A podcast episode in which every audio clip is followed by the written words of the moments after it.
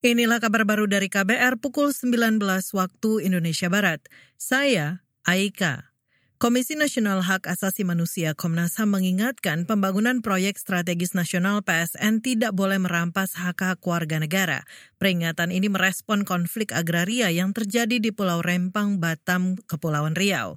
Komisioner Komnas HAM Prabianto Mukti Wibowo menegaskan, pemerintah, aparat keamanan, dan pihak swasta harus menjunjung tinggi hak asasi manusia dalam tiap pembangunan PSN kita melihat tidak harus merelokasi manusianya, tetapi kenapa yang direlokasi bukan pabriknya gitu Pak. Masalahnya ini kan ada kepentingan investor untuk mendapatkan lahan yang kebetulan saat ini dikuasai, dimanfaatkan, dimiliki oleh warga setempat. Jadi seakan-akan manusianya yang dikalahkan dengan kegiatan ekonomi tadi. Padahal kalau prinsip kami kan mestinya prinsip sustainability kan keseimbangan ya, planet, profit, dan tentunya adalah people-nya kan begitu. Tujuan pembangunan kan untuk kesejahteraan masyarakat, tidak hanya sekedar untuk pertumbuhan ekonomi.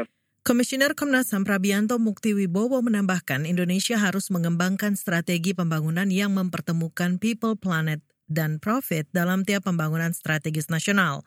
Dalam kasus konflik agraria di Pulau Rempang, Prabianto mengklaim Komnas HAM sudah memfasilitasi mediasi antara warga dengan Badan Pengusahaan BP Batam, Wali Kota Batam, Pemprov Kepulauan Riau, Kapolda, dan Dinas Pertanahan setempat. Kita beralih, Komisi Kepolisian Nasional Kompolnas mengimbau agar aparat kepolisian yang menjadi backing dan terlibat jaringan narkoba diberhentikan secara tidak hormat atau dipecat. Ketua Harian Kompolnas Beni Joshua Mamoto mengatakan, tidak boleh ada ampun bagi aparat yang terlibat kasus narkoba. Beni menyebut tingginya keterlibatan aparat kepolisian dalam kasus narkoba bisa menurunkan tingkat kepercayaan publik terhadap polisi kalau saya melihat belum optimal ya. Sudah dilakukan berbagai macam upaya, tapi sekali lagi bahwa cara kerja sindikat ini kan hebat. Nah ini menjadi PR tersendiri untuk aparat juga mengupdate perkembangan modus operandi yang terjadi. Kemudian perlu konsistensi pengawasan berkelanjutan, tidak hanya insidentil, tetapi kalau yang terlibat jaringan membekingi bandar narkoba tidak ada ampun di proses hukum dan dipecat PTDH. Ketua Harian Kompolnas Beni Joshua Mamoto mengingatkan kepolisian tidak boleh tinggal diam menjalankan instruksi Presiden Jokowi dalam membenahi kinerja kepolisian secara menyeluruh. Beni juga mendorong para petinggi kepolisian berperan aktif mencegah dan menindak tegas oknum di jajarannya yang terlibat kasus narkoba.